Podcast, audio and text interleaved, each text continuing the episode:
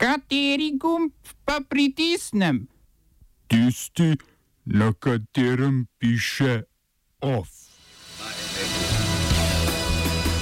Novozelandska premijejka predstavila predlog restriktivnejše zakonodaje o streljnem orožju.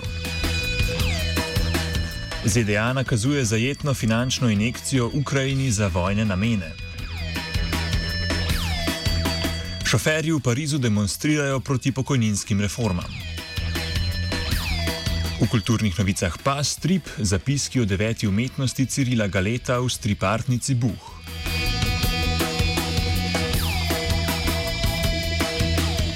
Novozelandska premijejka Jacinda Ardern je po napadu na dve mošeji v Christchurchu, v katerem je 15. marca letos umrlo 51 ljudi, v skladu z obljubami predstavila predlog, predlog striktnejše zakonodaje o streljnem orožju. Cilj je zagotoviti, da bodo lahko puške in pištole nosilo, nosili le sposobni in primerni. O tem, kdo ustreza tej zahtevi, pa bo odločala policija. Ta bo lahko zavrnila vsakogar, ki bo širil radikalna stališča, ki je bil v preteklosti obsojen na nasilno dejanje ali ki je imel težave z duševnim zdravjem. Nova zakonodaja predvideva tudi oblikovanje registra, v katerem bodo evidence vseh lastnikov zakonitega streljnega orožja v državi. Predvidevama bo registr pripravljen v naslednjih petih letih in po pričakovanjih bo tam zabeleženih približno 1,2 milijona kosov orožja v državi, ki ima sicer približno 5 milijonov prebivalcev. Po novi zakonodaji se bo tudi znatno zvišala zaporna kazen za posameznike, ki bi bili obsojeni zaradi dobavljanja orožja ljudem brez licence. Velja pripomniti, da je desničarski skrajnež, ki je marca streljal v Christchurchu, svoje orožje dobil zakonito.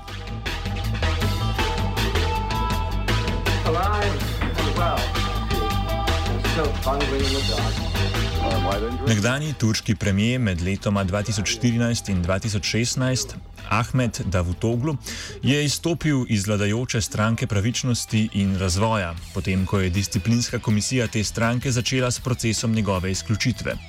Spomnimo, da Vutoglu je maja javno kritiziral odločitev Vrhovne volilne komisije, da razveljavi lokalne volitve v Istanbulu, ki so potekale 31. marca.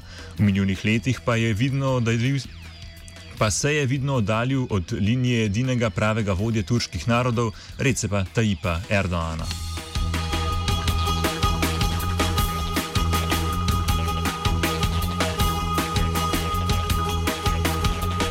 Nekaj tednov pred predčasnimi parlamentarnimi volitvami v Avstriji bo liberalno-nacionalistična svobodnjaška stranka izbrala novega predsednika.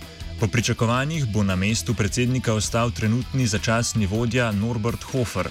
Na kongresu ne bo bivšega podpredsednika vlade in bivšega predsednika svobodnjakov Heinza Kristjana Straheja, ki je odstopil 18. maja zaradi tako imenovane afere Ibica, to je korupcijskega spodrsljaja, ki je bil tudi povod za padec vlade in razpis predčasnih volitev. Hoferjeva stališča so ravno toliko desna kot stališča njegovega predhodnika, za razliko od Straheja pa je njegova javna pojava bolj umirjena in se tudi redkeje poslužuje odkrito sovražnega govora.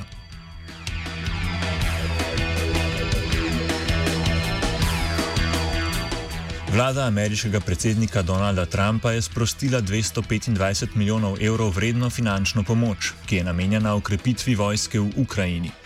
Trumpova administracija je predtem ustavila strani kongresa že odobrena sredstva za pomoč pri vojni s separatisti na vzhodu države, zaradi česar je odločitev naletela tudi na kritike, čež da je Trumpova administracija na ta način izsilila preiskavo sumljivih in morebitno koruptivnih praks energetskega podjetja Burisma Holdings, povezanega s Hunterjem Bidenom, sinom predsedniškega kandidata in Trumpovega rivala Joea Bidena.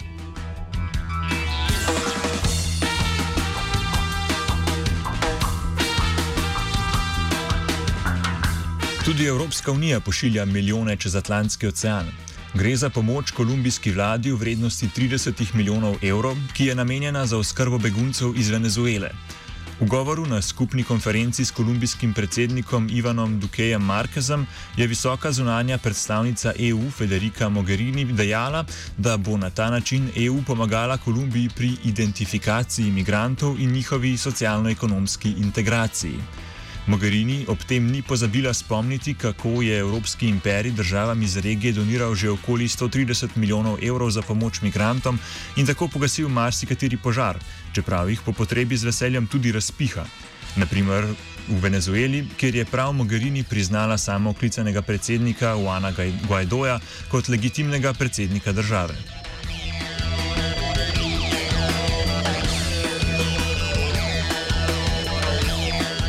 Delavci v pariških javnih prevozniških podjetjih so začeli z demonstracijami. Njihov namen pa je izraziti javno nasprotovanje načrtom aktualne vlade, ki želi s pokojninsko reformo združiti 42 različnih pokojninskih sistemov, univerzalen in posledično odpraviti bonitete zaposlenih v državnih prevoznih in komunalnih podjetjih.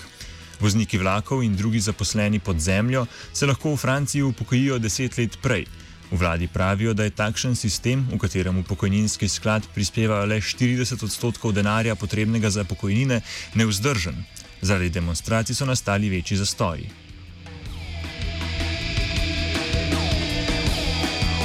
Zapore na cestah bodo tudi v Ljubljani. Slovenska vojska bo do nedelje v Ljubljani gostila konferenco najvišjega vojaškega organa NATO, vojaškega odbora. Namen konference bo pregled skupnih misij in zavezniških operacij. Posvečali se bodo tudi tako imenovanemu konceptu bojevanja v sodobnem svetu.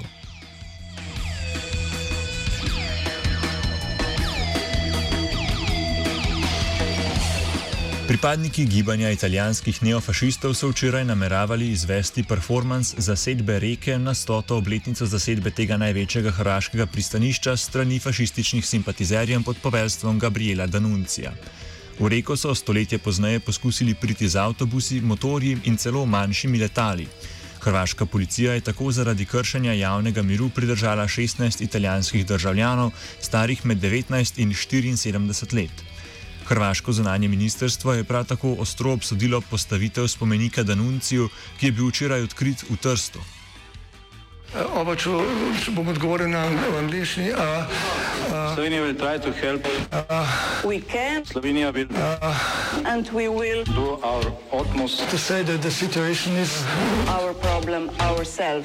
In da bomo naredili nadaljnje korake, as soon as the conditions are. Bomo vlado Marjana Cererja podprli. Very, very serious. News from Slovenija. We know how and we will. Radio Televizija Slovenija bo v kratkem pozvala gospodinstva, ki plačujejo RTV prispevek le za radijske sprejemnike, da podajo izjavo, da nimajo naprave za sprejem televizijske vsebine na spletu. Tisti, ki izjave ne bodo podali, bodo v prihodnje morali plačevati polno ceno prispevka. Na RTV-ju so pojasnili, da so se za ta korak odločili zato, ker od 1. avgusta omogočajo sprejem vsebin tudi prek spleta. Pravilnik o načinu prijavljanja in odjavljanja televizijskih in radijskih sprejemnikov določa, da mora vsak, ki ima tehnične pogoje za sprejem vsaj enega programa Radio Televizije Slovenije, to prijaviti, s čimer postane zavezanec za plačilo prispevka. OF je pripravila Anja.